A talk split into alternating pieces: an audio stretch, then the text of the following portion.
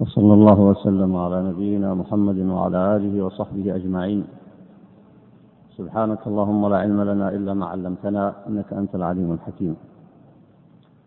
أيها الإخوة الفضلاء السلام عليكم ورحمة الله وبركاته. نبتدي هذا الدرس بتوفيق من الله. ونسأله سبحانه وتعالى المعونة على العلم النافع العمل الصالح. ونبدأ من حيث انتهينا اقرأ بارك الله فيك. نزلنا في المسألة الرابعة عشرة. اقرأ من المسألة الرابعة عشرة. أي لا قطعنا منها شوط حنا. اقرأ وحاصل الأمر. الصفحة الثانية. 59 وحاصل الأمر أو أول الصفحة. فبين النبي صلى الله عليه وسلم ذلك بقوله ما أنا عليه وأصحابي. بسم الله الرحمن الرحيم. الحمد لله رب العالمين. والصلاة والسلام على أشرف الأنبياء والمرسلين. قال المصنف رحمه الله فبين النبي صلى الله عليه وعلى آله وسلم ذلك بقوله ما أنا عليه وأصحابي ووقع ذلك جوابا للسؤال الذي سألوه إذ قالوا من هي يا رسول الله؟ فأجاب, علي فأجاب صلى الله عليه وعلى آله وسلم بأن الفرقة الناجية من اتصف بأوصافه عليه الصلاة والسلام وأوصاف أصحابه وكان ذلك معلوما عندهم غير خفي فاكتفوا به وربما يحتاج إلى تفسيره وربما يحتاج إلى تفسيره بالنسبة إلى من بعد تلك الأزمان. وحاصل الأمر أن أصحابه كانوا مقتدين به مهتدين بهديه قد جاء مدحهم في القرآن الكريم وأثنى عليهم متبوعهم محمد صلى الله عليه وعلى آله وسلم وإنما خلقه عليه السلام القرآن فقال تعالى وإنك لعلى خلق عظيم فالقرآن إذن هو المتبوع على الحق وجاءت السنة مبينة له فالمتبع للسنة متبع للقرآن والصحابة كانوا أولى الناس بذلك فكل من اقتدى بهم فهو من الفرقة الناجية الداخلة للجنة بفضل الله وهو معنى قوله عليه السلام ما أنا عليه وأصحابي فالكتاب والسنة هو الطريق المستقيم وما سواهما من الإجماع وغيره فناشئ عنهما. أي نعم بارك الله فيك. هذه المسألة المسألة الرابعة عشرة. يريد الشاطبي رحمه الله أن يتكلم على هذا الحديث الذي ورد في وصف الفرقة الناجية جعلنا الله وإياكم منهم. والكلام في هذه المسألة قد سبق في دروس سابقة. وهو الكلام على هذا الحديث الذي فسر به النبي عليه الصلاة والسلام الفرقة الناجية لما سئل عنها. فلما سئل النبي عليه الصلاة والسلام عنها قال ما أنا عليه وأصحابي. وهذا الحديث تكلم عنه أهل العلم وعنوا به. ذلك لأنه يمثل منهجا لهذه الأمة.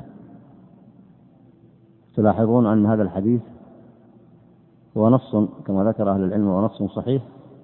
وتلاحظون أن فيه معنى آخر وهو ربط بالعمل. النبي عليه الصلاة والسلام هنا قال ما أنا عليه وأصحابي. ولو أن إنسانا سئل عن الفرقة الناجية فقال هم أهل الإسلام والإيمان القائمين بأركان الإسلام المتصفين بما كان عليه النبي عليه الصلاة والسلام لكان هذا جواب وفيه نوع تفصيل. ويمكن أن يقال هم أهل التوحيد المخلصون لله العبادة الذين يعبدون الله عز وجل بلا شريك ويتحكمون إلى شريعته ويقيمون أركان الإسلام ويتبعون السنة فهذا أيضا جواب. النبي عليه الصلاة والسلام أوتي جوامع الكلم. وجوامع الكلم كما تكلم عن أهل الحديث هو اللفظ المختصر الذي يجمع معان كثيرة مثل هذه المعاني التي أشرت إليها. ولو قيل أيضا في الجواب الفرقة الناجية هم أهل السنة والجماعة الذين على اعتقاد السلف الصالح فصح ذلك جوابا عند أهل العلم. ويمكن أن يذكر الجواب بتفصيلات كثيرة. النبي عليه الصلاة والسلام أوتي جوامع الكلم فاختصر نصوصا كثيرة. جاءت بالتعريف بأهل الحق في الكتاب والسنة في هذا اللفظ الجامع ما أنا عليه وأصحابي.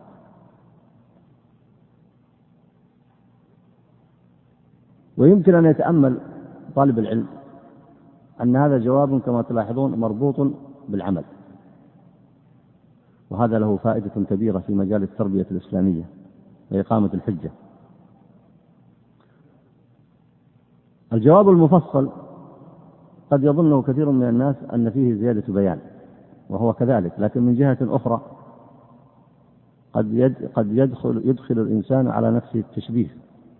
فلو قيل هم أهل التوحيد المحض أو السنة المحضة أو أتباع الكتاب والسنة لجاءت طوائف فقالت ونحن أتباع الكتاب والسنة. ولو قيل أهل الإسلام لجاء المنافقون فقالوا نحن أهل الإسلام نحن مسلمون. ولو قيل في الجواب مثلا هم أهل التوحيد لجاء قوم وقالوا نحن أهل التوحيد. كما قالت المعتزلة تنفي الصفات صفات الرب سبحانه وتعالى وتجهل الخلق به مسلمين وكافرين أن الكافرين أعلم بصفات الله ممن نفوا الصفات. لأنك إذا سألت الكفار عن صفات الله أجابوا فإنه عليم وخالق وسميع وبصير. ولو سألت المعتزلة لشكوا في بعض هذه الصفات واسترابوا وظنوا أنها مقتضى التشبيه. فتجدهم ينفون الصفات. ويجهلون الناس بالله. لأن من لم يعرف صفات الله عز وجل لا, يدرك حقيقة الإسلام.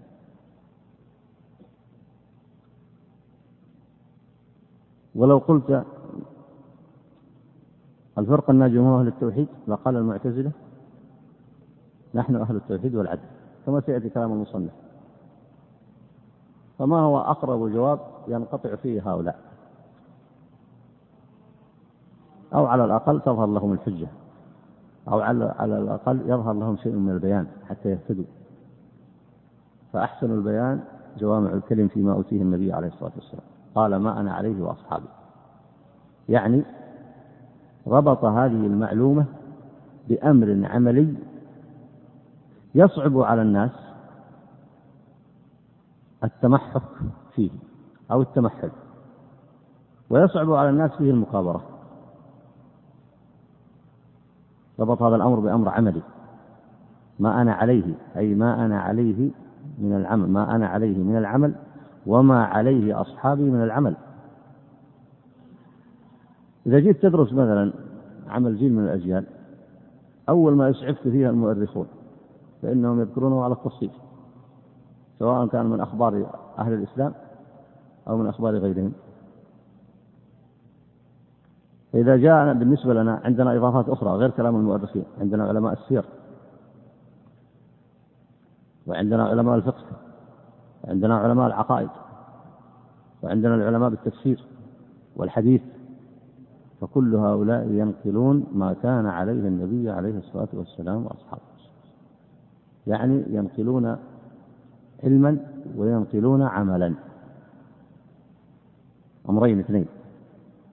لو نقلوا علما ونصوصا لافتات عليها الفرق كما سيأتي في أمثلة كثيرة. وأول النصوص أخرجوها عن معانيها. لكن إذا قيل لهم هذه النصوص التي أولتموها وأفسدتم على نفسكم المعاني انظروا انظروا العمل. فهو مثلا مجتمع لا يعرف الشرك ليس فيه شرك ظاهر ليس فيه عبادة قبور وليس فيه شرائع من دون الله يحتكم إليها وليس فيه نفي للصفات. هذا أمر معلوم في مجتمع الصحابة رضوان الله عليهم. ليس فيه نفي للصفات فمن أين يأتي المعتزلة بعقائدهم؟ هل في مجتمع الصحابة مثلا القول بخلق القرآن؟ إذا العمل الذي كان عليه النبي عليه الصلاة والسلام هو إثبات الصفات. أين يأتي المنافقون وهم يتحاكمون إلى غير شرائع الإسلام؟ ويأتون بالمناهج الخارجية للأمة ويتحاكمون إليها. هل هذا كان عليه ما كان عليه النبي عليه الصلاة والسلام وأصحابه؟ أم أن الذي كان عليه العمل هو أنه ليس في المجتمع الإسلامي إلا منهج واحد هو شريعة الله؟ من أين يأتي الخرافيون بعقائدهم الخرافية؟ ويقولون كان عليه عمل النبي عليه الصلاة والسلام. لا يستطيعون. من أين يأتي تأتي بقية الفرق؟ بعقائدها. لا تستطيع. ولذلك انتقلت الفرق إلى أمر خطير. يعني جمعوا بين الانحراف ثم جاءوا للجيل الأول فانتقدوا وهذه قضية مهمة جدا انتقدوا العمل الذي كان عليه أولئك وهذا يدل لك أن هذا اللفظ الذي هو من جوامع الكلم هو من أقوى الحجج على المخالفين. كيف انتقدوا العمل؟ العمل كاشف. العمل كاشف. العمل يكشف المعتقد يكشف المنهج كاشف عن الأخلاق كاشف عن نظام المجتمع. العمل يكشف الحقيقة. فعمل الجيل الأول واضح. فالفرق بعد الدراسات وكتبهم وطوائفهم عرفوا في الحقيقة أن أعمالهم غير أعمال الجيل الأول. هذا ثابت عندنا نحن فيما يتعلق بالدراسات العقائد والشرائع. وما الذي صنعوه ازوروا عن العمل الذي في الجيل الأول. ثم بدأوا يكابرون ثم بدأوا يطعنون فيه. سواء بصريح اللفظ أو بالتلميح. وهذا يدل على أن مثل هذا اللفظ الجامع أقوى حجة عليهم من كثير من التفصيلات التي هم أصلا التفصيلات وردت في الكتاب والسنة ولم ينتفعوا بها إلا قليلا. وردت تفصيلات كثيرة عن العقائد والأحكام فلم ينتفعوا بها إلا قليلا. فالتفصيل مع هؤلاء لا ينفع كثيرا. ولذلك النبي عليه الصلاة والسلام وضع منهاج للأمة. قال الفرقة الناجية التي تعمل بالإسلام كما أراد الله وكما عملت به هي ما أنا عليه وأصحابي من القول والعمل. فذلك المعتزلة طعنوا في أصحاب النبي عليه الصلاة والسلام. لاحظ الآن. لأن الناس والعلماء قالوا لهم هذا العمل. هذا عمل الصحابة. فأين عملكم من عمل الصحابة؟ قال هؤلاء لا يفهمون. بل طعنوا فيهم بأكثر من ذلك.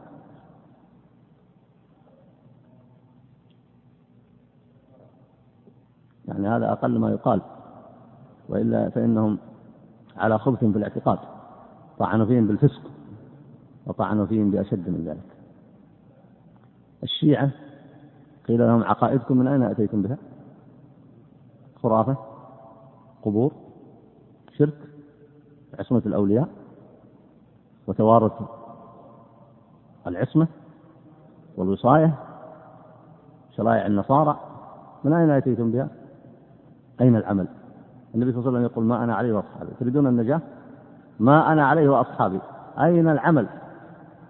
هذا عملكم قالوا نعم هذا عملنا ظاهر القباب القبور الولاية الوصاية هذا عملنا. قال أين هو في عمل النبي عليه الصلاة والسلام؟ فين؟ هؤلاء كتاب السير؟ هؤلاء علماء التاريخ؟ هؤلاء علماء الطوائف؟ أين هذا في وقت النبي عليه الصلاة والسلام؟ طبعا ما في جواب ما يمكن. تنتحل التاريخ؟ تتأول نص نصين لكن تكذب؟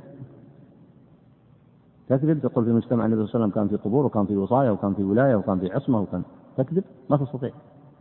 فقالوا كفار فكفروا الصحابة. واتهموهم في دينهم. لاحظت الآن؟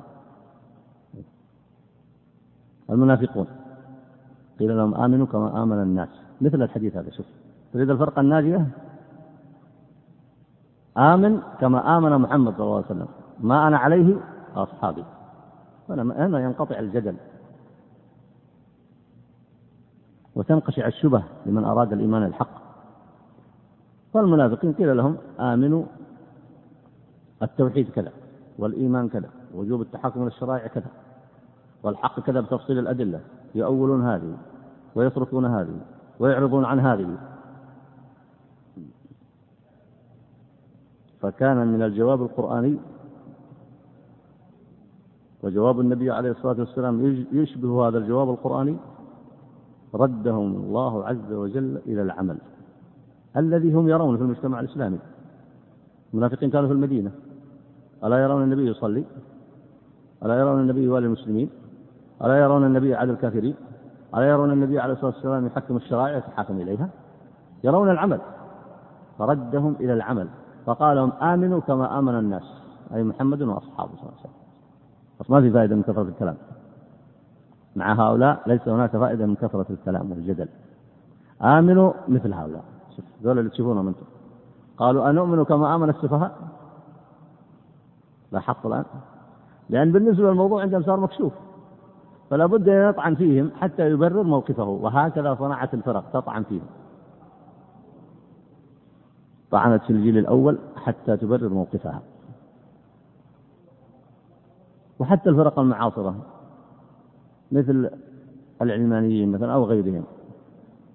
بعض الطوائف إذا أراد تتأدب في العبارة يعني تنتقد الأصل لكنها خائفة خائفة من النقد الإسلامي خائفة من قوة العلماء خائفة. تأتي لهؤلاء لذلك الجيل فتهمشه بلغة العصر إن صح استعمال هذه العبارة. يقول هؤلاء جيل كان ضعوي وجيل يعني ما كان عنده آليات حضارية. والإسلام يصلح له. فهو كثر خيره. جزاه الله خير. كثر خيرهم. لكن ما يمكن أن نصنع مثل ما صنعوا. ولا نعمل مثل ما عملوا. فلا تأتي تقول لي مثلا آمنوا كما آمن الناس. مثل أولئك. ولا تقل اصنع كما ما كان عليه النبي عليه الصلاة والسلام وأصحابه. الفرق المجتمعات فرق كبير. ونسوا ما يتعلق بالتوحيد تحريم الخرافة والشرك وتحكيم الشرائع والصدق والفضيلة وتحريم الزنا والربا هذه مسائل لا تتغير بتغير المجتمع. الحاصل من هذه الفكرة وإن كنت قد أطلت فيها أن الطوائف والفرق والمخالفين من المشركين أو من الفرق الإسلامية أو من الفرق غير الإسلامية. تتخلص من هذا الجواب الجامع البين الواضح. تريد الحق؟ على ما كان عليه النبي عليه الصلاة والسلام وأصحابه. الذي عليه النبي عليه الصلاة والسلام مكشوف للتاريخ كله. عن طريق العلماء الثقات في جميع التخصصات مثبت في الكتب. قد حفظ على القرون المتتالية. لا يحتاج إلى تلاعب. والفرق تفهم هذا تماما. والمخالفون يفهمون هذا. فما الحل بالنسبة لهم؟ أحد أمرين. إما أن يكونوا صدقا وحقا على ما كان عليه النبي عليه الصلاة والسلام وأصحابه وإما أن يطعنوا فيهم أو يقللوا من شأنهم وكذلك صنعوا وكذلك صنعوا. هذه المسألة الشاطبي سيبين فيها أنهم استعملوا التأويلات الفاسدة لمخالفة ما كان عليه النبي عليه الصلاة والسلام وضربوا النصوص بعضها ببعض وإن كانت النقطة التي أشرت إليها وهي ما يتعلق بالطعن في الجيل الأول فإنه ذكرها مثالا لبعض الطوائف. وهي موجودة عند الطائفة المذكورة التي ذكرها الشاطبي وموجودة عند كثير من الطوائف. يقرأ بارك الله فيك. هذا هو الوصف الذي كان عليه النبي صلى الله عليه وعلى آله وسلم وأصحابه وهو معنى ما جاء في الرواية الأخرى من قوله وهي الجماعة لأن الجماعة في وقت الإخبار كانوا على ذلك الوصف. الشاطبي سيأتي في فصل مستقل يبين معنى الجماعة وهو بحث جيد في هذا الكتاب. فنرجئه إلى محله. ولهذا قال إلا أن في لفظ الجماعة معنى تراه بعد إن شاء الله. لكن مساقه هنا أن الشاطبي جاءت بالصفات. قال هذا ما كان عليه النبي عليه الصلاة والسلام أي هذه الجماعة المحمودة أي التجمع الذي يتجمع فيه الناس على الإسلام كما ورد في كتاب الله وسنة النبي عليه الصلاة والسلام الذي فيه العلم الصحيح والعمل الصحيح. هذه صفاته. لاحظوا هذه الصفات ظاهرة واضحة بينة. هذا معنى الجماعة. ومن معناها أيضا الاجتماع على الكتاب والسنة. من معناها السواد الأعظم المجتمعون على تطبيق الكتاب والسنة. لها معاني كثيرة سيأتي ذكرها وهي ترجع إلى معنى واحد إن شاء الله تعالى. إيه نعم. إلا أن في لفظ الجماعة معنى تراه بعد إن شاء الله. ثم إن في هذا التعريف نظرا لا بد من الكلام عليه فيه وذلك أن كل داخل وأن كل وذلك أن كل داخل تحت ترجمة الإسلام من سني أو مبتدع مدع أنه هو الذي نال رتبة النجاة ودخل في غمار تلك الفرقة. إذ لا يدعي خلاف ذلك إلا من خلع ربقة الإسلام وانحاز إلى فئة الكفر كاليهود والنصارى وفي معناهم من دخل بظاهره في الإسلام وهو معتقد غيره كالمنافقين. وأما من لم يرضى لنفسه إلا بوصف الإسلام وقاتل سائر الملل على هذه الملة فلا يمكن أن يرضى لنفسه بأخس مراتبها وهو مدع أحسنها وهو المعلم وهو المعلم فلو علم المبتدع أنه مبتدع لم يبق على تلك الحالة ولم يصاحب أهلها فضلا عن أن يتخذها دينا يدين به الله وهو أمر مركوز في الفطرة لا يخالف فيه عاقل. هذا الكلام استثنى المصنف فيه اليهود والنصارى أو من ناصرهم من الطوائف مثل مثلا القديانية. مثل بعض الطوائف التي يسميها أهل العلم الفرق غير الإسلامية. عند علماء الفرق الفرق نوعان فرق غير إسلامية وفرق إسلامية. الفرق غير الإسلامية يدخلون فيها مثلا كثير من فرق الباطنية والإسماعيلية ويدخلون فيها مثلا آه، القديانية ويدخلون فيها فرق كثيرة. مع أن هؤلاء يتلبسون بكثير أو ببعض أركان الإسلام أو على الأقل ينطقون بالشهادتين. كثير منهم ينطقون بالشهادتين. وقد لا يقيمون الأركان أصلا وقد يقيمون بعضها. في بعض الطوائف لا تقيم الأركان مطلقا وتنطق بالشهادتين. يريد يستثني أيضا المنافقين هنا. يقول إن هؤلاء لم يرضوا لأنفسهم باسم الإسلام. لم يرضوا لأنفسهم باسم الإسلام. هناك طوائف رضيت بنفسها باسم الإسلام. مثل الفرق. ولا ينتسبون إلا إليه. مثل الخوارج مثل المعتزلة وغيرهم من الفرق. فيقول الذين رضوا بالانتساب إلى الإسلام بوصف الإسلام هؤلاء وإن وقعوا في بدع وانحرافات هؤلاء دخلوا تحت التأويل. دخلوا تحت التأويل. يريد يبين هنا أن هؤلاء الذين هم مبتدعة دخلوا تحت التأويل وسيأتي بأمثلة لهم. كيف دخلوا تحت التأويل؟ أما الفرقة الإسلامية فلا تعنينا هنا. الفرقة الإسلامية هي أيضا عندها نوع من التأويل لكن علماء الإسلام يقسمون التأويل إلى قسمين. علماء الفقه والأصول والعقائد يقسمون التأويل إلى قسمين. تأويل مقبول تأويل فاسد كل هذا الذي سيأتي معنا هذا مصنف في التأويل الفاسد. كل اللي يذكرهم الآن. مثلا تأويل هذه الفرق المذكورة. سواء الفرق الإسلامية أو غير الإسلامية. هذا التأويل يدخل تحت التأويل الفاسد. يبقى التأويل المقبول وهو الذي يعتمد على دليل صحيح ويسمى التفسير يسمى التفسير وهو ما يفسر ظاهر اللفظ بظاهر آخر صحيح ويدخل فيه معنى التفسير.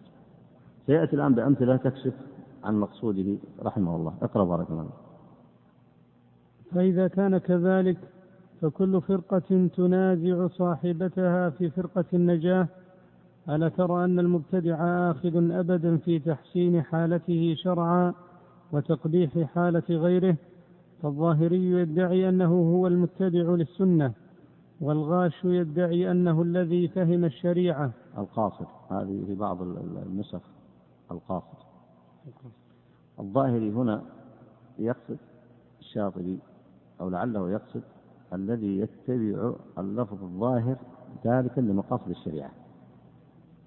تاركا لمقاصد الشريعة يعني يفسر الظاهر تفسيرا غير صحيح.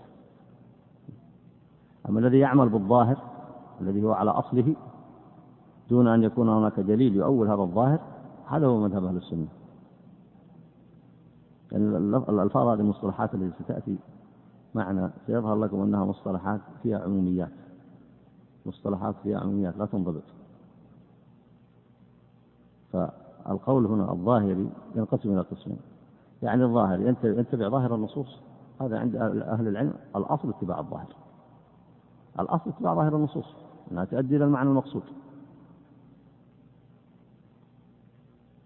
لكن لو أن هذا الظاهر له ما يفسره له ما يؤوله له ما ينسخه هناك الشريعة بينت مقاصد هذا النص بأدلة أخرى فيجب الرجوع إلى تلك الأدلة جمعا بين الأدلة كما هو مذهب أهل السنة. لكن اتباع الظاهر مطلقا حتى لو ورد ما يفسره أو يخصصه هذا مذهب ليس بصحيح. هذا مذهب ليس بصحيح. طيب القاصر يدعي أنه الذي فهم الشريعة يعني المقصر في فهمها والمضيع لكثير من نصوصها المقصر في فهمها أيضا يدعي لنفسه أنه هو الذي يفهم الشرع. اقرأ بارك الله فيك. وصاحب نفي الصفات يدعي أنه الموحد والقائل باستقلال العبد يدعي أنه صاحب العدل. وكذلك سمى المعتزلة أنفسهم أهل العدل والتوحيد. لاحظ الآن ستأتي تسميات. التسميات هذه فيها عموميات. فمثلا المعتزلة إيش قال هنا؟ قال نفي الصفات. الله يتكلم؟ قال الله لا يتكلم.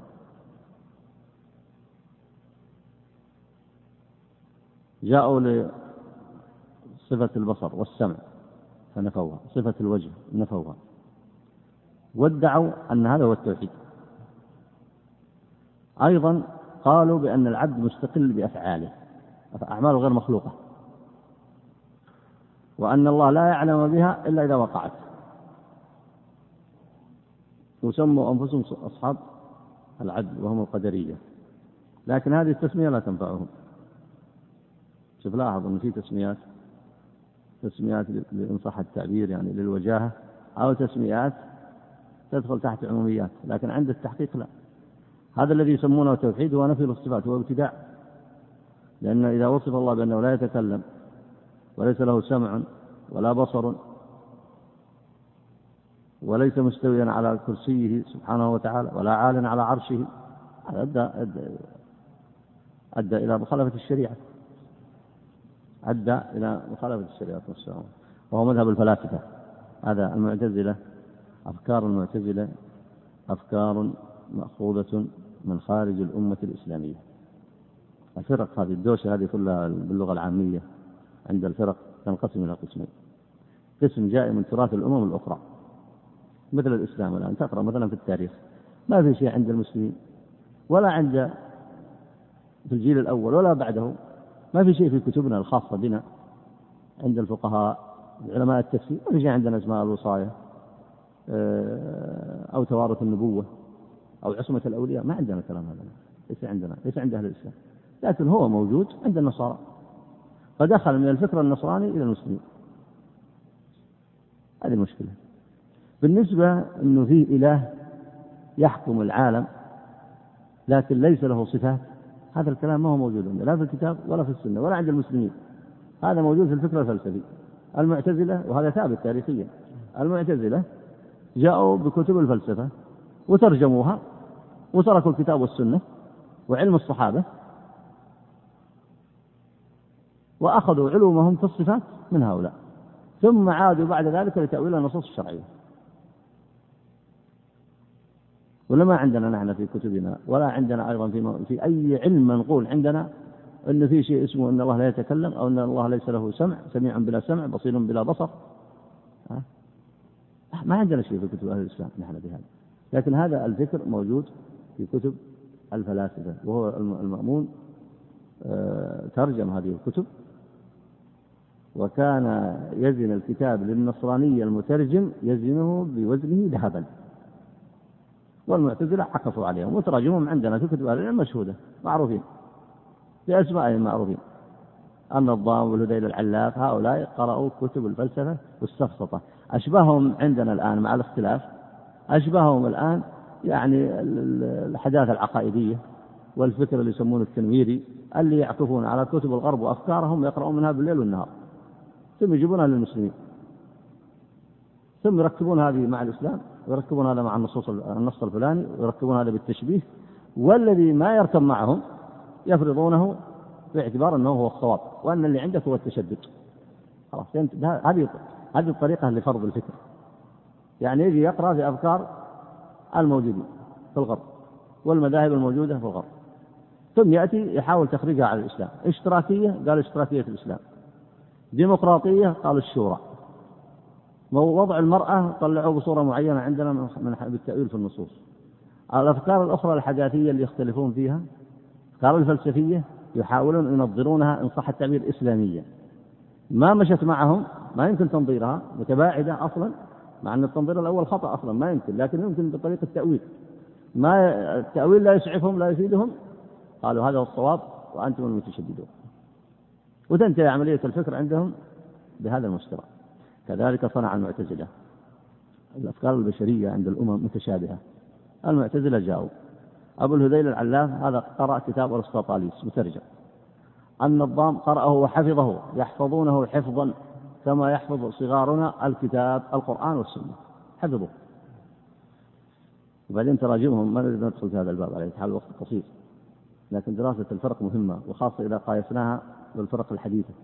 تراجمهم لما تجي عند النظام النظام أصباكم كذاب. كما ذكر العلماء في تراجم أهل السنة.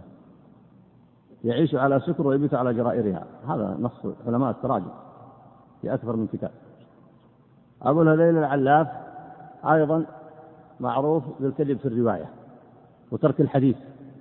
حتى إذا جاءوا يعرضون عليه حديث النبي عليه الصلاة والسلام يقول أنا أريد يثبت الحديث بعشرة من أهل الجنة.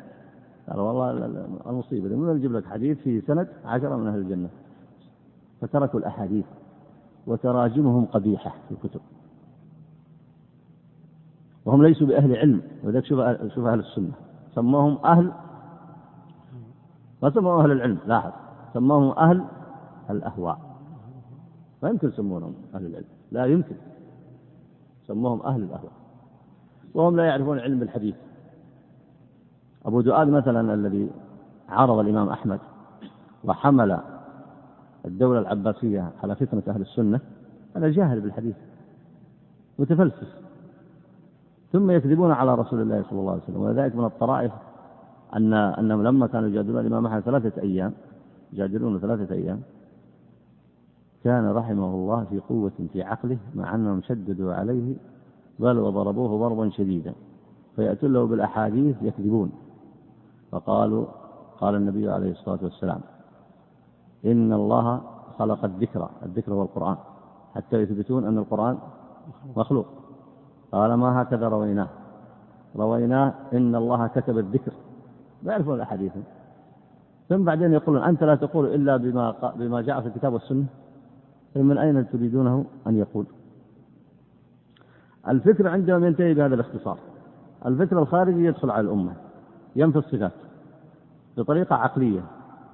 ثم إذا انتهوا من هذه القضية جاءوا للنصوص الشرعية وأولوها طيب نأتي للقول السابق لأن الشاطبي يقول كل فرقة تريد أن تدخل تحت أذيال النجاة وتريد تدخل تحت الحديث السابق ما أنا عليه وأصحابي. السؤال ما منع هؤلاء أن يدخلوا؟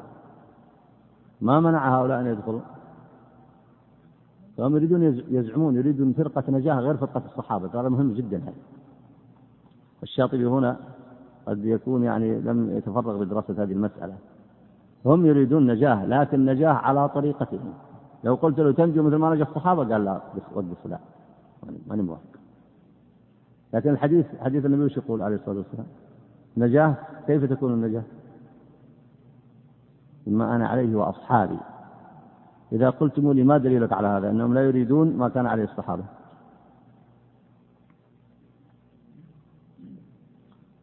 أن المعتزلة أنفسهم طعنوا في الصحابة. أنت تطعن في من تريده قدوة؟ يصلح هذا؟ يمكن تخالفه في المسألة يمكن. وإن كان الصحابة أجل وأعظم لكن تطعن فيه وأنت تريد قدوة؟ لا ما يمكن. ما يجي مثلا عند الشيعة فنقول إنها تريد أن تكون فرقة ناجية. لا تريد تكون فرقة ناجية على هواها هي. لا. ما تريد فرقة ناجية كالصحابة. بدليل أنهم كفروا الصحابة. قالوا الصحابة كلهم كفار إلا أربعة. عجيب. هل أنت فعلا تريد أن تكون مثل الصحابة؟ تطعن فيهم على هذا النحو وتريد تكون مثلهم؟ ما هو صحيح. فإذا قيل مثل هذا الكلام أنهم يريدون يكونوا فرقة ناجية فرقة ناجية على هواهم. وحتى الكفار. اليهود قالوا نحن أبناء الله وأحباؤه. فرقة ناجية على هواهم. يؤمنون ببعض الرسل ويكفرون ببعض على هواهم ويقولون نحن أبناء الله وأحباؤه يعني يريدون النجاة. فإذا قيل هنا أنهم يريدون النجاة لا يلتبس بذهن السامع والقارئ. أنهم يريدون النجاة يعني فعلا هم صادقين مع أنفسهم يريدون يكونوا مثل الصحابة. لا. وهذا هو الدليل. لو كانوا يريدون أن يكونوا مثل الصحابة ما يمكن يطعنون فيه. ما يستقيم. ما يستقيم تريد ترى أن الإنسان قدوة وتقول هذا الجيل هو القدوة. والصحابة هؤلاء رضي الله عنهم ورضوا عنه وهم قدوتي وأنا أريد أن أكون مثلهم. ثم بعدين تقول كفار ولا تقول مثل المعتزلة لو شهد عندي أهل صفين على أكرمكم الله على فجل يقول ما قبلت شهادتهم. هذه زندقة في الإسلام. طعن في المنهج. فلا تظن هنا إذا قيل إنهم آه، يريدون النجاة أنهم يريدون النجاة على طريقة الصحابة لا. ولا على طريقة النبي عليه الصلاة والسلام. إنما يريدون النجاة على أهوائهم. وهذا ليس بغريب. حتى عند الكفار يريدون النجاة على أهوائهم. حتى عند المشركين. أن تظن المشركين الآن الذين يعبدون العبادة الكثيرة أو يعبدون مثلا القبور بشأن محبة الصالحين أنهم ما يظنون أنفسهم أنهم ناجين أنهم ناجون؟ لكن النجاة الصحيحة. النجاة التي عناها النبي عليه الصلاة والسلام وهي الحجة على المخالفين قال ما أنا عليه وأصحابي. يعني يفهم الإسلام بما كان عليه الجيل الأول وليكابر بعد ذلك من يكابر. طبعا ترتب على هذا أن جابوا لهم أسماء أهل التوحيد والعدل. طيب يعني وش اللي مكرههم في أهل السنة والجماعة؟ أنا ما أدري وش.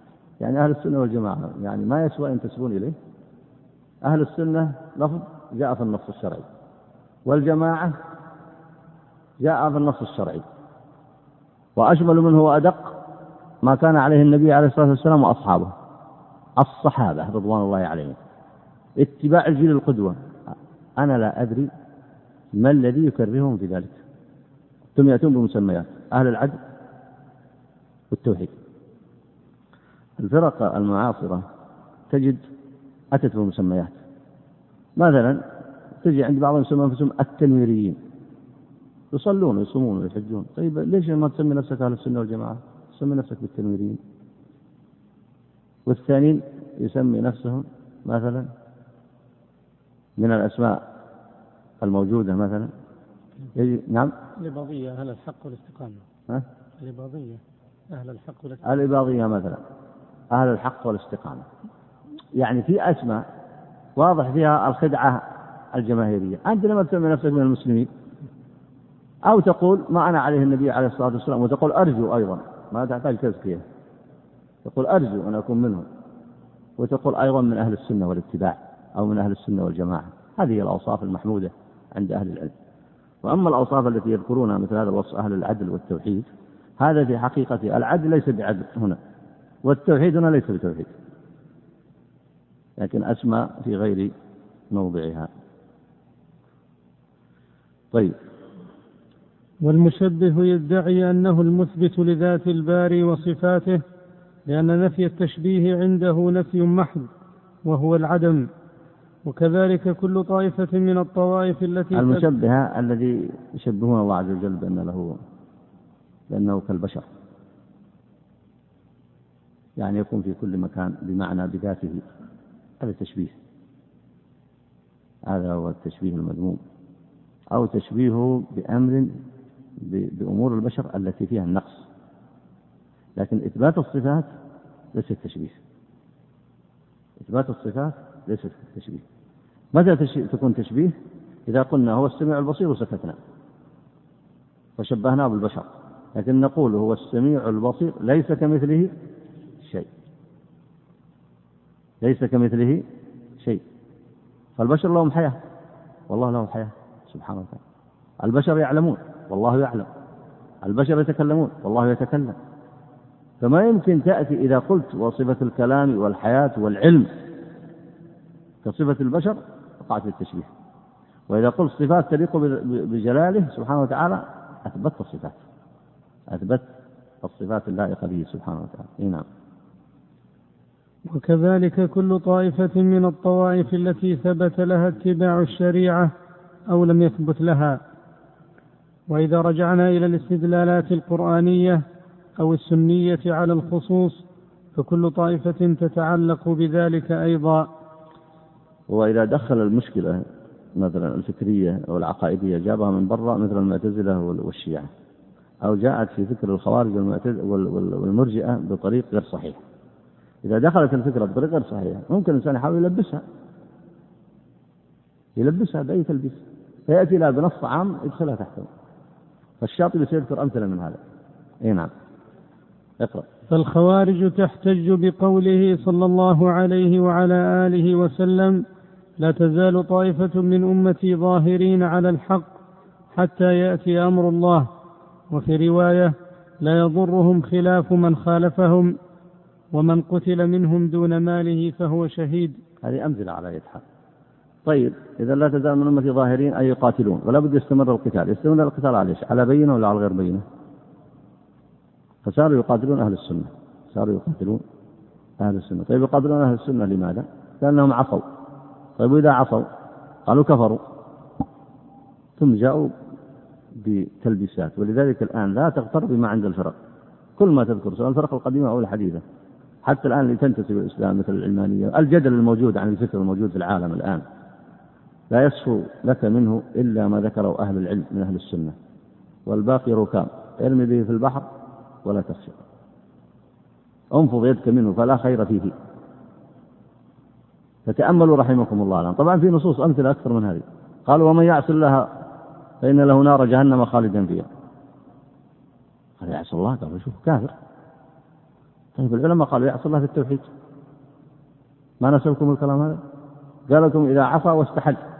يكفر أما إذا ما استحل ما يكفر. لأن في زناه وفي سراق وفي كذا تقام عليهم الحدود يعني تقام عليهم الحدود يعني يعني مسلمين. تقيم الحد على كافر ولا على مسلم؟ تقيم الحد مقصده التطهير والعقوبة لهذا الذي ظلم لينتفع بهذه العقوبة في الدنيا والآخرة فهي كفارة له. أنت تكفر حال الكفارة للمسلمين ولا للكفار فالنصوص الموجودة عندهم وضعوها في غير موضعها. أهل السنة بينوا هذا. هذا دليل واضح جدا. لا يغرك كثرة الاستدلالات. لا. المهم أن يكون الاستدلال في موضعه. ومن قتل منهم دون مال فهو شهيد. هذا صحيح. لكن معنى هذا أنك تقتل صاحب معصية. وتقول من قتل دون مال فهو شهيد. على مالك وقاتلت دونه تدخل في الحديث. ثم أيضا أين هم من, من مثل قول الله تعالى وإن طائفتان من المؤمنين اقتتلوا؟ واقتتلوا تظالموا واقتتلوا ومع ذلك اعتبرهم الشرع مؤمنين أي ليسوا بكفار. نعم. فكل هذه الاستدلالات استدلالات النص صحيح لكن وضعه في غير موضعه وضعه في غير موضعه. أي نعم. والقاعد يحتج بقوله عليكم بالجماعة فإن يد الله مع الجماعة. القاعد مثلا على الأمر المعروف والمنكر على الأمر المعروف والنهي عن المنكر عن الجهاد يحتج بهذا الحديث هذا لا حجة له فيه. عليكم بالجماعة أي في عقيدتهم ومنهجهم وشريعتهم والتعاون معهم على البر والتقوى ولا تختلفوا على الدين فإن يد الله مع الجماعة هذا معنى النص. نعم. ومن فارق الجماعة قيد شبر فقد قيد خلع قيد شبر. ومن فارق الجماعة قيد شبر فقد خلع ربقة الإسلام من عنقه وقوله طبعا هذه الأحاديث صحيحة المذكورة هنا. أي ولا يعني على أنك توافق على الباطل.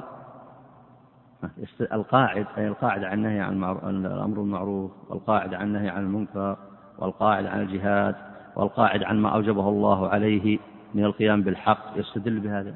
هذا ما له دليل فيها. أنت لا تفارق الجماعة في التوحيد. لا تفارق الجماعة على باطل لكن ما يعني أنك توافق على الباطل. فهذا الاستدلال في غير في غير موضعه. أي نعم. وقوله كن عبد الله المقتول ولا تكن عبد الله القاتل. أي نعم. والمرجئ يحتج هذا أيضا ليس موضعه ترك الأمر بالمعروف والنهي عن المنكر والجهاد والقيام بالحق لا. موضوعه إذا كان في فتنة وقتال بين المسلمين فأنت تعتزل الفتنة. حتى لا تقع في دماء المسلمين. فكل نص له موضعه الشريعة حكيمة. جاءت بكل نص في موضعه هم يأخذون من موضعه ويضعونه فين؟ يضعونه في موضع آخر. أي نعم. والمرجئي يحتج بقوله من قال لا إله إلا الله مخلصا فهو في الجنة وإن زنى وإن سرق. لكن ما قال وإن أشرك النبي صلى الله عليه وسلم. شوف لاحظ. فيضع المرجئة النص في غير موضعه. يجي يقول مثلا النطق يكفي. حتى لو وقع الشرك الأكبر. والإيمان والعمل ليس من الإيمان. والمرجئة الغلاة الغلاة يقولون أن الشرك أيضا لا يضر مع الإيمان. لأنه يعني يكفي يكفي النطق. بل بعضهم تجاوز حتى النطق لا يشترطه يكفي المعرفة بالقلب. النص ما قال كذا. النبي عليه الصلاة والسلام قال من قال لا إله إلا الله مخلصا يعني مخلصا مقيما للتوحيد تاركا للشرك. لابد تفسر النصوص تفسير صحيح. فهو إن ترك أقام التوحيد وترك الشرك فهو مسلم مآله إلى الجنة وإن زنى وإن سرق. والحديث صحيح في البخاري لكن المرجئة وضعوه في غير موضعه. طبعا شوف لاحظ أي واحد يضع الحديث في غير موضعه يحاول يحجب الأحاديث النصوص الأخرى. الآن لو جيت مثلا في بيان معنى لا إله إلا الله واشتراط التوحيد وترك الشرك وما معنى الإخلاص كم نص موجود في الشريعة؟ كثيرة ولا لا؟ نصوص كثيرة. فلماذا حجبوا هذه النصوص وتعلقوا بهذا النص؟ وأيضا تعلقوا به على غير وجهه ولم يفهموه حق فهمه. هذا نوع من الالتباس وهذا التأويل مذموم ويدل على أن هناك في اختيارات. لأمر في أنفسهم. يعني المفروض ما يتعلقوا بهذا الحديث فقط يجمعوا على الحديث الأخرى في الموضوع ويدرسونها دراسة صحيحة. فلماذا يتعلقون بحديث واحد؟ فهذا يدل على أن فيهم هوى. ولذلك هذا من التأويل المرفوض من التأويل المردود لكن لو جاءوا على الإنسان ما يعرف الشريعة وفسروا له النص هذا تفسير غير صحيح يغشونه. لكن أهل السنة عرفوا بجمع النصوص في الموضوع الواحد ودراستها دراسة أمينة. يعني لابد من أمانة في دراسة العلم. أي نعم. والمخالف له محتج بقوله لا يزني الزاني حين يزني وهو مؤمن. يعني الخوارج. يجونهم ردة فعل المرجئة. قالوا لا يزني الزاني حين يزني وهو مؤمن. يعني وهو مؤمن لا يزني الزاني حين يزني وهو مؤمن يعني كافر. العلم ما يؤخذ بالصورة دي ما هو صحيح. يعني لا يزني الزاني حين يزني وهو مؤمن الإيمان الذي يمنعه من مثل هذه المعاصي. لكن معه شيء من الإيمان. ومعه أصل الإسلام. ولها وجابوا العلماء أدلة على هذا. بأنه يطهر بالحدود ولا يطهر إلا المسلم. وأن المقصود هنا النص له تفسير وتفسره نصوص أخرى. فتعلقهم بهذا النص أيضا هو تعلق عن هوى. وليس ضبطا للعلم. أي نعم. والقدري يحتج بقوله تعالى فطرة الله فطرة الله التي فطر الناس عليها. وبحديث كل مولود يولد على الفطرة. قدرية الذي ينفون القدر. يقول الإنسان عمله يستأنف لا يعلمه الله وهو الذي يخلق عمله. استدلال القدرية بمثل هذه النصوص أيضا في غير موضعه لأن الله عز وجل قال هو الذي خلقكم وما تعملون. وخلق الله لهذه الأعمال هو مبني على علمه المحيط بها إلى يوم القيامة. الله عز وجل عالم بما سيكون من خلقه. فطرهم على التوحيد لكنه خيرهم سبحانه وتعالى. خيرهم كما سيأتي في الآيات السابقة. ونفس وما سواها فألهمها فجورها وتقواها. وما قدره الله عز وجل ينقسم إلى الأقدار المعروفة. أقدار الله المؤلمة فهذه يجوز الصبر عليها. والأقدار الأخرى التي هي بسبب كسب العبد من المعاصي يجب عليه التوبة وهو محاسب عليها. وهذا رد لمذهب القدرية. نعم. والمفوض يحتج بقوله تعالى ونفس وما سواها فألهمها فجورها وتقواها وفي الحديث اعملوا فكل ميسر لما خلق له كل هذه النصوص أهل السنة يجمعونها. يجمعونها. مثل نص المرجئة والخوارج. من قال يا الله مخلصا؟ أي موحدا. تاركا للشرك. فاشترطوا التوحيد وترك الشرك في معاني لا إله إلا الله وجعلوا لها شروط. ثم بعدين جاءوا للمعاصي التي دون الشرك فقالوا لا تنقض إلا بشروط. جمعوا النصوص. ومن الشروط هذه الحديث أيضا لا يزني الزاني حين يزني وهو مؤمن. ففسروا أن العمل من الإيمان بهذا الحديث فجمعوا النصوص وأثبتوها ونظموها. كذلك بالنسبة لأهل السنة ردوا على القدر وردوا على الذين ينفونه وأثبتوا القدر وهو ركن من أركان الإيمان. وكون الإنسان على فطرة خلقه الله عليها وكل مولود يولد على الفطرة هو كذلك أيضا لا تناقض بين هذا وبين قوله تعالى ونفس وما سواها فألهمها فجورها وتقواها. فخير الله العباد وحملهم مسؤولية ما يعملون. أي نعم. والرافضة تحتج بقوله عليه السلام ليردن الحوض أقوام ثم ليتخلفن دوني فأقول يا رب ثم أي نعم. ليختلجن يختلجن أي صحيح هكذا ثم ليختلجن دوني. يعني يؤخذون. يعني يؤخذون يمنعون من الحوض. أي نعم. ليردن الحوض أقوام ثم ليختلجن دوني فأقول يا رب أصحابي فيقال إنك لا تدري ما أحدثوا بعدك إنهم لم يزالوا مرتدين على أعقابهم منذ فارقتهم. ويحتجون لا الآن هذا النص هذا النص معه نصوص كثيرة والعلماء فسروه. أطرف كتاب تأخذ مثلا تأخذ صحيح البخاري تجد تفسير ابن حجر وفي القديم تجد تفسير أهل العلم من السلف. والنص واضح جدا. أن في قوم هنا بدلوا. لا تدري ما أحدثوا بعدك طيب من الذين بدلوا؟ المنافقين بدلوا. الذين كفروا وارتدوا بدلوا. لكن أصحاب النبي عليه الصلاة والسلام الذين قال الله عنهم ورضي الله عنهم ورضوا عنه ما بدلوا. يصير فهم النص واضح. الذين بدلوا هم المقصودين بالحديث. الذين ثبتوا هم أصحابه المعروفون رضوان الله عليهم هم أهل الحق. فكيف تدخل الصحابة في هؤلاء؟ أما أن النبي يسأل شوف الآن حفظ العلم وضبط مسائل العلم عند أهل السنة يعنون به. ولذلك أي دعوة تقوم على غير العلم لا خير فيها. ما يمكن ت... ما... أنت لابد تكون قناعات صحيحة للناس. لأن يجون هؤلاء أهل البدع يلبسون على الناس يقول شوف ماذا يقول؟ يقول أصحابي. وش تقول؟ هو النبي يقول أصحابي الحديث. إذا أصحابه ارتدوا. أهل العلم يقولون الأمر أسهل من هذا. النبي عليه الصلاة والسلام يأتون الناس له على الحوض وعليهم آثار الوضوء. المنافقين كانوا يتوضون المبتدعة يتوضون أهل السنة يتوضؤون عليهم آثار الوضوء. وعليهم سيم الإسلام. لكن يقسمون قسمين. قسم ثبتوا وقسم بدلوا. الذين ثبتوا يريدون الحوض. ونسأل الله أن يجعلنا وإياكم منهم. فيشربون منه. والذين بدلوا الظاهر مثل ما تشوف الآن العالم الآن كل اللي ينتسبون للإسلام وش تريد تقول؟ في الظاهر أنهم أتباع الإسلام مسلمين. لكن إذا جيت تحقق على الأعمال والعقائد والحقائق وش بيطلع لك؟ فالنبي عليه الصلاة والسلام اللي جايينه الآن غر محجلين عليهم آثار الوضوء. فقال النبي صلى الله عليه وسلم أصحابي هذا الظاهر. لكن الذي يعلم حقائق الأمور ماذا قال سبحانه وتعالى؟ قال هؤلاء ليسوا من أصحابك. ليسوا من أصحابك. ليش ما هم من أصحابك؟ بسبب. ما هو السبب؟ قالوا بدلوا بعدك. التبديل عند أهل السنة معروف إما بسبب الكفر والارتداد والنفاق أو نحوه. فعوقبوا وأخذوا إلى النار. ولذلك النبي صلى الله عليه وسلم أمن على هذا الدعاء كما ورد في الأحاديث الأخرى. فقال النبي صلى الله عليه وسلم فسحقا سحقا. يعني ما أصابهم بما كسبت أيديهم. لكن بقي الصحابة الذين لم يبدلوا وهم أصحاب النبي عليه الصلاة والسلام رضي الله عنهم ورضوا عنه ومناقبهم في الكتب معروفة.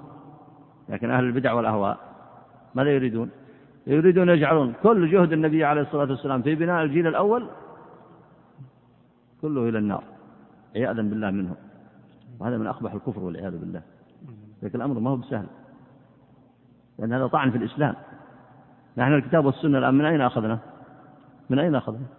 أخذناه من الصحابة الذين هم عدول وأجمعت الأمة على عدالتهم فيأتي الزنادقة يلعبون بالنصوص الشرعية ويقولون أن الصحابة ارتدوا بعد النبي عليه الصلاة والسلام وهم الذين فتحوا ديار الفتوحات الإسلامية وهم الذين بلغوا الإسلام إلى بلاد الشام وأسقطوا إمبراطورية فارس والروم الملحدة المشركة المفسدة في الأرض ونشروا الإسلام وأقاموا على على دمائهم ودماء أبنائهم حضارة إسلامية عالمية للناس وما زال الناس إلى الآن ينتفعون بها.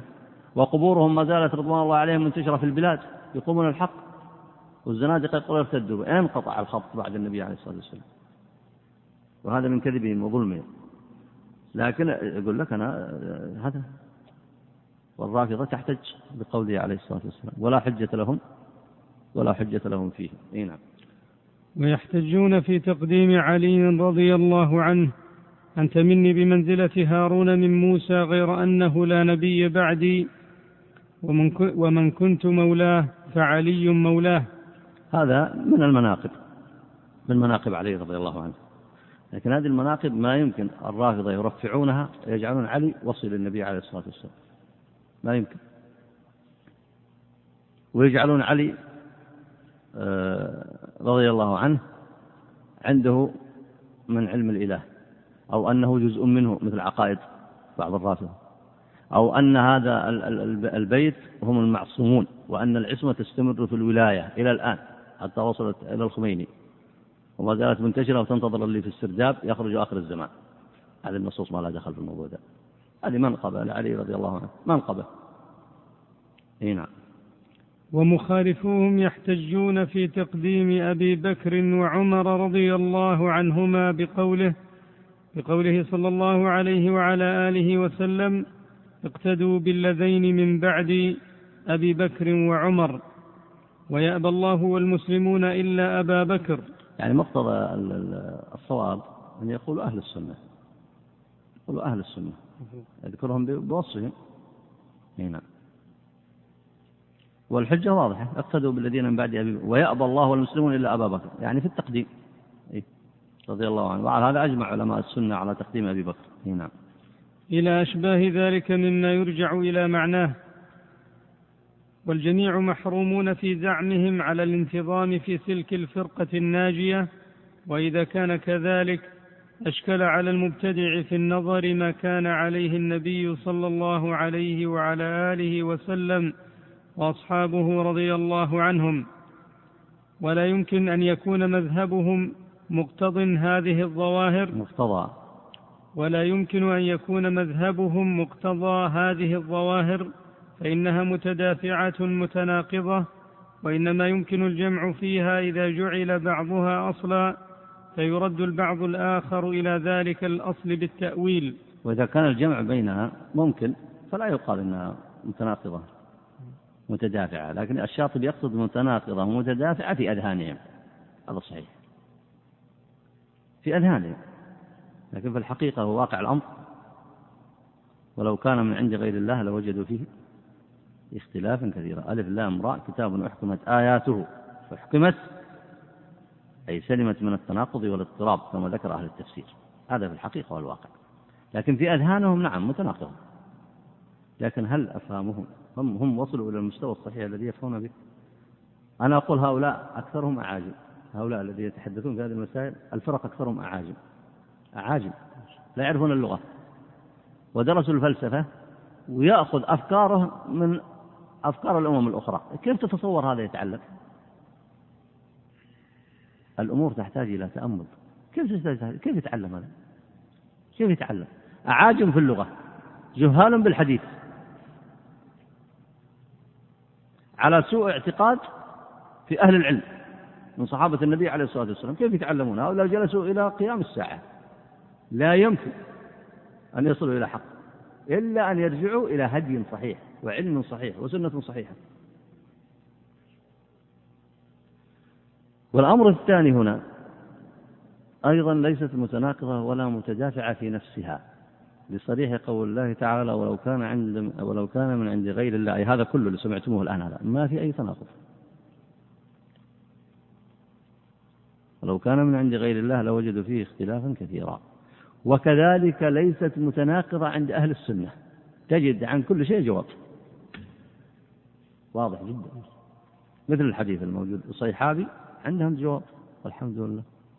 عندهم حديث لا يزني الزاني حين يزني وهو مؤمن ما يشبه متناقض. يقولون العمل من الإيمان فلما نقص عمله نقص إيمانه لكن لا يزول بالكلية. وعندنا دليل آخر يدل على أنه لا يزول.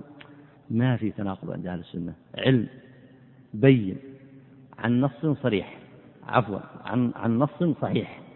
وعن معاني يفهمونها ويجمعونها. ولغتهم لغة علم.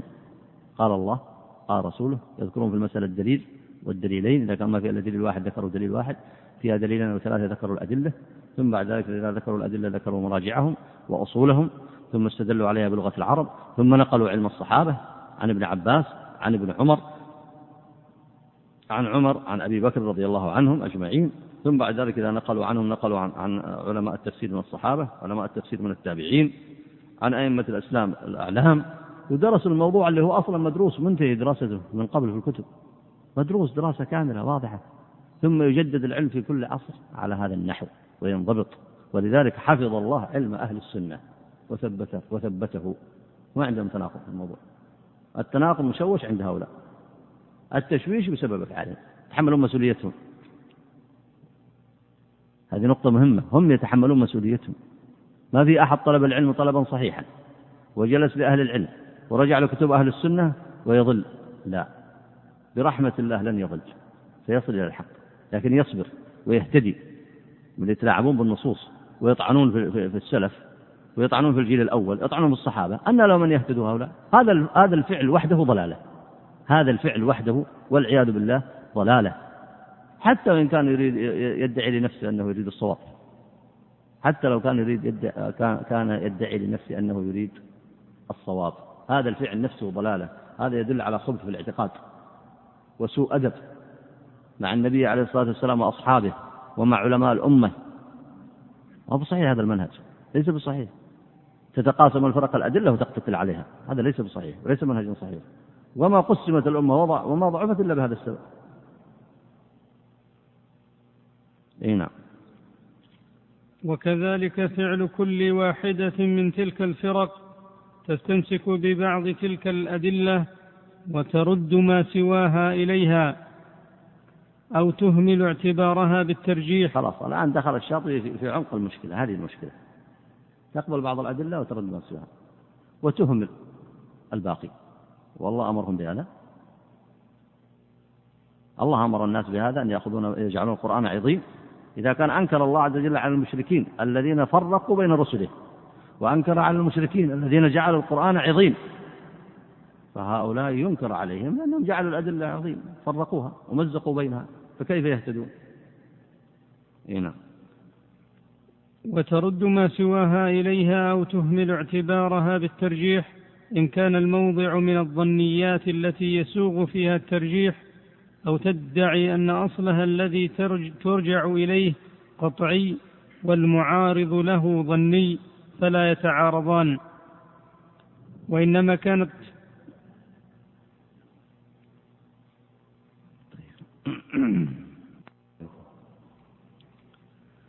وإنما كانت طريقة الصحابة ظاهرة في الأزمنة المتقدمة أم أما وقد استقرت مآخذ الخلاف فمحال. وهذا الموضع مما يتضمنه قول الله تعالى ولا يزالون مختلفين إلا من رحم ربك ولذلك خلقهم فتأملوا رحمكم الله كيف صار الاتفاق محالا في العادة ليصدق العقل بصحة ما أخبر الله به؟ الحاصل أن تعيين هذه الفرقة الناجية في مثل زماننا صعب ومع ذلك فلا بد من النظر فيه وهو نكتة هذا الكتاب فليقع به فضل اعتناء بحسب ما هيأه الله وبالله التوفيق. ولما كان ذلك يقتضي كلاما كثيرا أرجأنا القول فيه إلى باب آخر وذكره فيه على حدته إذ ليس هذا موضع ذكره والله المستعان. سيتكلم على تحديد الفرقة الناجية في زمانه. يقول في زماننا يعني في زمانه. وهذا سيأتي له موضع فنرجئه إلى موضعه. ونعود إلى كلامه السابق رحمه الله حيث قال وإنما كانت طريقة الصحابة ظاهرة في الأزمنة المتقدمة. هي ظاهرة في الأزمنة المتقدمة. ومعنى أنها ظاهرة أي بينة واضحة. ومع ذلك فالفرق نشأت في القرن الأول وطريقة الصحابة ظاهرة ومع ذلك أيضا خالفوا طريقة الصحابة رضوان الله عليهم. ولهذا سماهم أهل العلم أهل الأهواء ولم يسموهم أهل العلم. وفرق بين أهل العلم وأهل أهل أهل الأهواء. أهل الأهواء يدخلون في مثل قول الله تعالى ثم جعلناك على شريعة من الأمر فاتبعها ولا تتبع أهواء الذين لا يعلمون. لو اتبعت أهواء الفرق لن تصل إلى صواب. وستختلف في ذهن الإنسان معاني الإسلام. قال الشاطبي هنا وهذا الموضع مما يتضمنه قول الله تعالى ولا يزالون مختلفين إلا من رحم ربك ولذلك خلقهم. هذه الآية يستعملها كثير من المتكلمين في هذا العصر وخاصة المتأثرين بأخذ المعاني بدون النظر في كلام أهل التفسير من الصحابة رضوان الله عليهم والتابعين. فلما تقرأ هذه ولا يزالون مختلفين إلا من رحم ربك ولذلك خلقهم. يفهم كثير من الناس أنه يتوسع في الخلاف. هذه فكرة موجودة مطروحة في الساحة. تطرح. تطرح في الكتابات والمقالات وتطرح في مجالات كثيرة. فيفهمون من هذه الآية أن هذا الموضوع فيه مسامحة ولهذا خلقهم الله. يعني أنت تريد تناقض قدر الله الله خلقهم. يختلفوا. والاختلاف ضرورة. هذه من تعبيراتهم. هذه اعتبارات تعبيرات غير شرعية. غير شرعية. لأن وهذه مشكلة التفكير السابق الموجود هنا. يأخذون النص ثم لا يفسرونه بتفسير أهل العلم له. وفي نفس الوقت يغفلون نصوص كثيرة. أنت الآن لو كلفت ببحث الآيات التي وردت في ذم الخلاف في القرآن. كم تخرج آية؟ كم تتصور؟ لو فتحت المعجم المفارس كم يطلع عندك آية؟ من سيقوم بهذا البحث؟ ويأتينا به الأسبوع القادم. تأتي به أنت؟ هذا عشرات الآيات. وبعدين منهج واضح في القرآن واضح جدا. إذا أنت تقرأ في صلاة التراويح تسمع في صلاة التراويح تقرأ في كتاب الله تفهم أنه في شيء اسمه خلاف مذموم في القرآن. وأن الله ذم هذا الخلاف وأنه هو فتنة البشرية. فأنت ما تجي تحتج بالقدر تقول ولذلك خلقهم. لذلك خلقهم أي خلقهم ليبتليهم. هذا معنى التفسير في الآية. ما معنى خلقهم ليقرهم على خلافهم؟ لا. خلقهم ليبتليهم وخلقهم ليتبعوا الإسلام وخلق وخلقهم ليقيموا الحق وخلقهم ليحكموا بالعدل. وخلقهم ليتبعوا سبل النجاة فاختلفوا. ولذلك خلقهم أي ليبتليهم ليبتليهم ويتحملوا مسؤوليتهم. لكن لو فهمت الآية بغير هذا الفهم.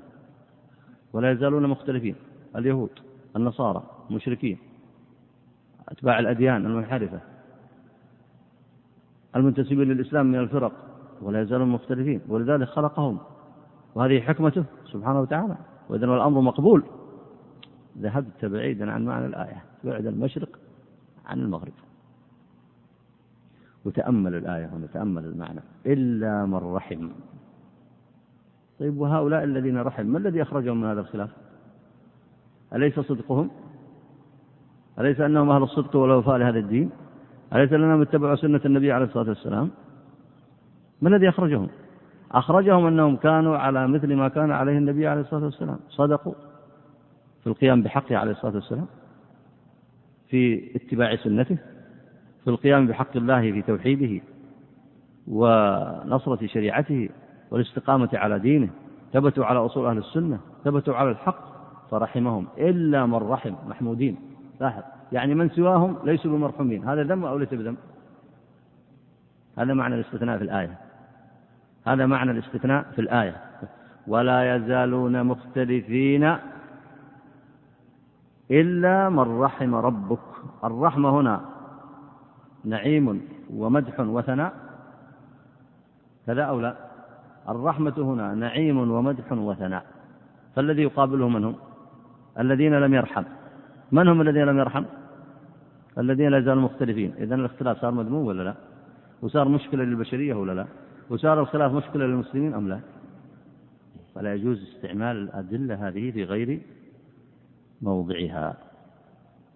ينبغي أن يتنبه لهذا. ولذلك الشاطبي حتى في هذه الآية في موضع سابق كما تعلمون فصل في هذا ولا نعيد الكلام. وذكر تفسير السلف من الصحابة والتابعين لهذه الآية. وأدخل في المختلفين الذين لم يرحمهم الله. نسأل الله العافية منهم. أدخل فيهم أهل الشرك. والكفر المبدلين المغيرين الذين اختلفوا على الأنبياء وفرقوا أديان الأنبياء وفرقوا بين رسل الله وكفروا بالله واختلفوا وتفرقوا من أهل الشرك وأدخل السلف في هذه الآية أيضا أهل البدع والأهواء من هذه الأمة الذين خالفوا أصول السنة. ونسأل الله السلامة من أحوالهم. فلغة التوسع الموجود في الخلاف الآن وهذه لغة موجودة موجودة في القنوات موجودة في الجرائد موجودة في المقالات. يا أخي أنت الخلاف ضروري الخلاف أمر طبيعي. هذه لغة إعلامية ليست لغة علمية. حتى وإن تكلم بها بعض المتفقهة هذه ليست لغة علم. لغة العلم أن الخلاف أصله مذموم في كتاب الله ذما شديدا. ولا تكونوا كالذين تفرقوا واختلفوا من بعد ما جاءهم البينات. ولا تكونوا من المشركين الذين فرقوا دينهم وكانوا شيعا. تجمع مثل هذه الآيات تجمع عشرات الآيات. الخلاف مذموم. مستثنى وجهات نظر تدخل في, الجهاد في الاجتهاد السائغ المذكور عند أهل العلم وله ضوابطه ومحدود. هذه قضية مهمة أساسية. فالتوسع في الخلاف الموجود في العالم الآن بحيث توجد مبررات للأفكار المخالفة للإسلام. أو توجد مبررات لأفكار الفرق أو توجد مبررات أن كل واحد يفكر كما يشاء هذا ليس بصحيح. هذا ليس بصحيح. وهل افترقت الأمة إلا بسبب ذلك؟ وهل ضعفت الآن في أحداثها القديمة والجديدة إلا بسبب ذلك؟ عندك أمة مجتمعة تستطيع أن تقابل عدوها وتستطيع أن تدافع عن مقدساتها وتستطيع أن تقيم الحق فيها؟ بأي سبب؟ لماذا هذا الضعف؟ الخلاف. وأخطره الخلاف في الدين في العلم في العقائد في الشرائع. هذا اللي فكك الأمة. ثم بعد ذلك تأتي أنواع الخلاف المادي. فتسويغ الخلاف توسيعه باللغة الموجودة الآن المعاصرة هذا موضوع خطير على الأمة. الأمة تحتاج أن تتضام وتتكاتف وتتعاون على البر والتقوى. ترجع إلى أصول واحدة. ترجع إلى مكنة وقوة.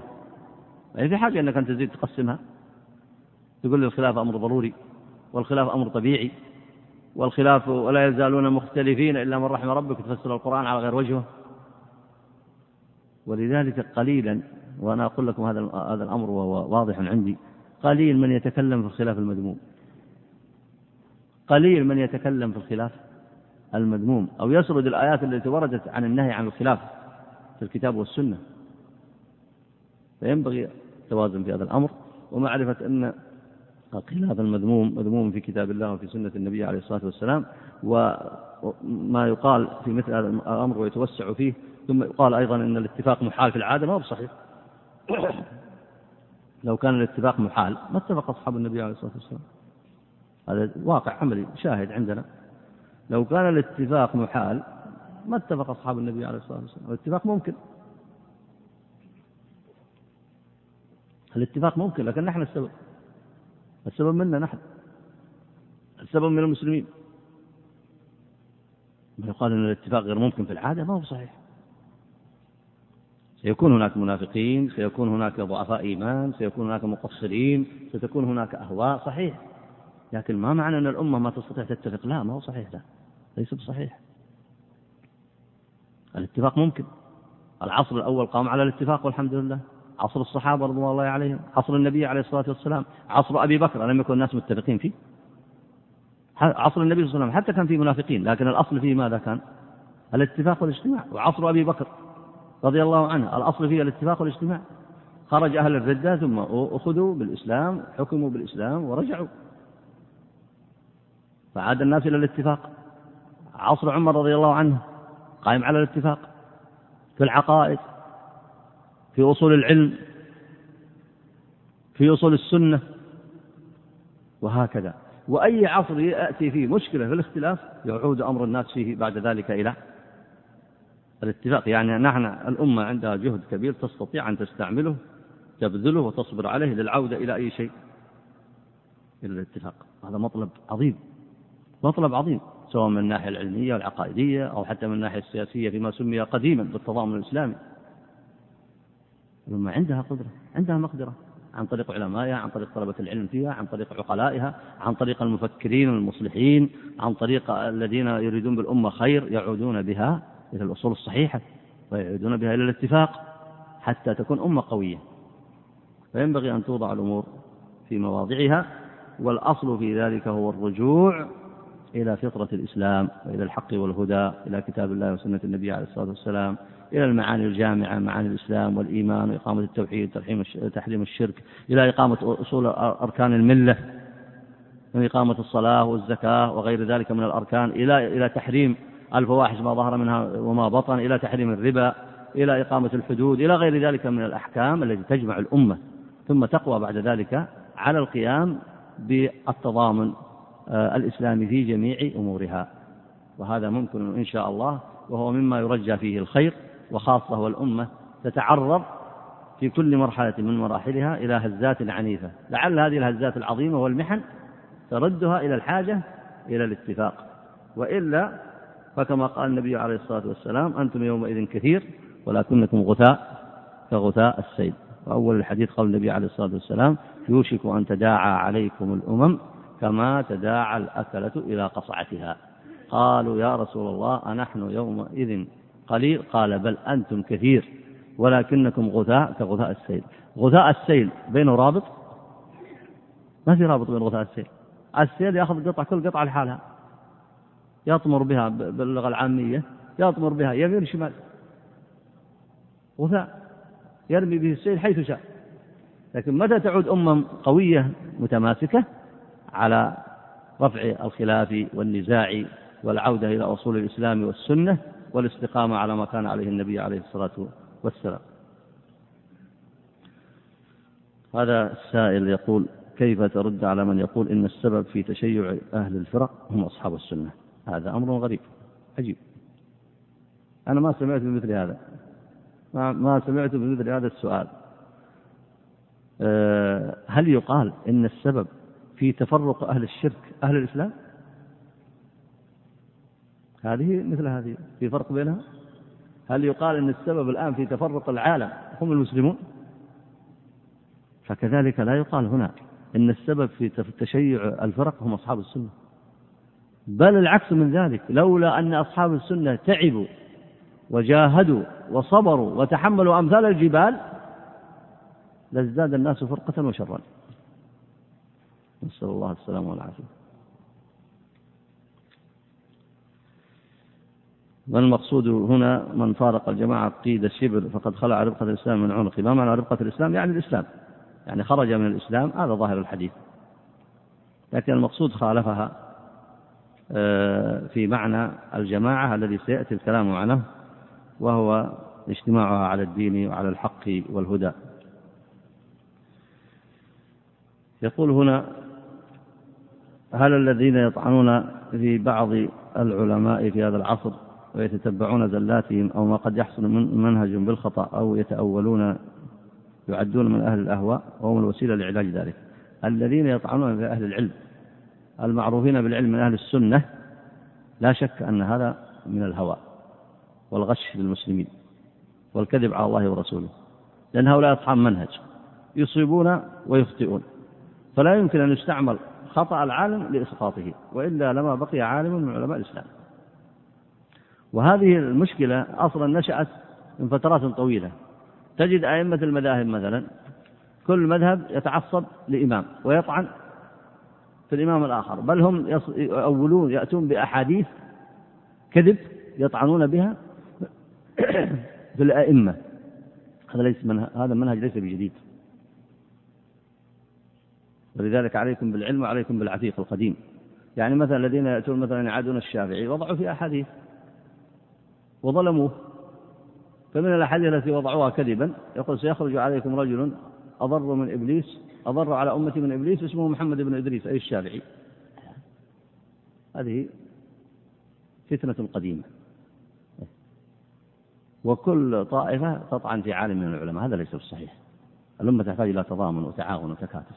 علماء السنة لهم تقديرهم ولهم توقيرهم ويجب نصرتهم على الحق. وكونه يخطئ العالم ليس معصوم عندنا. وإذا أخذت مثلا جهد نفع العلم الذي ينشره العالم وانتفعت به إلى 80% ولا 90% كثر خيرك ما شاء الله. أنت أنت تعتبر كذا من أنصار الإسلام. ما أنت بحاجة أنك تفتش على الخطأ. الخطأ إذا ظهر لك فاتركه. والعلماء يصحح بعضهم لبعض. لكن هذا العالم اللي أنت وقفت عند زلة من زلاته. هل أنت نصرته على الحق والهدى؟ الحق الذي معه المفروض أن يكون هو الذي معك. المفروض من الدعاء للإسلام والتوحيد وإقامة أركان الإسلام والدعاء إلى الحق.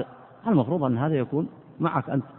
وهكذا يجب على الأمة أن تتناصر وتتكاتف على البر والتقوى. نسأل الله أن يجعلنا وإياكم ممن يتعاونون على البر والتقوى وأن يجعلنا وإياكم من الفرقة الناجية التي ذكرها النبي عليه الصلاة والسلام في هذا الحديث العظيم. ونستغفر الله ونتوب إليه. وصلى الله وسلم على نبينا محمد وعلى آله وصحبه أجمعين.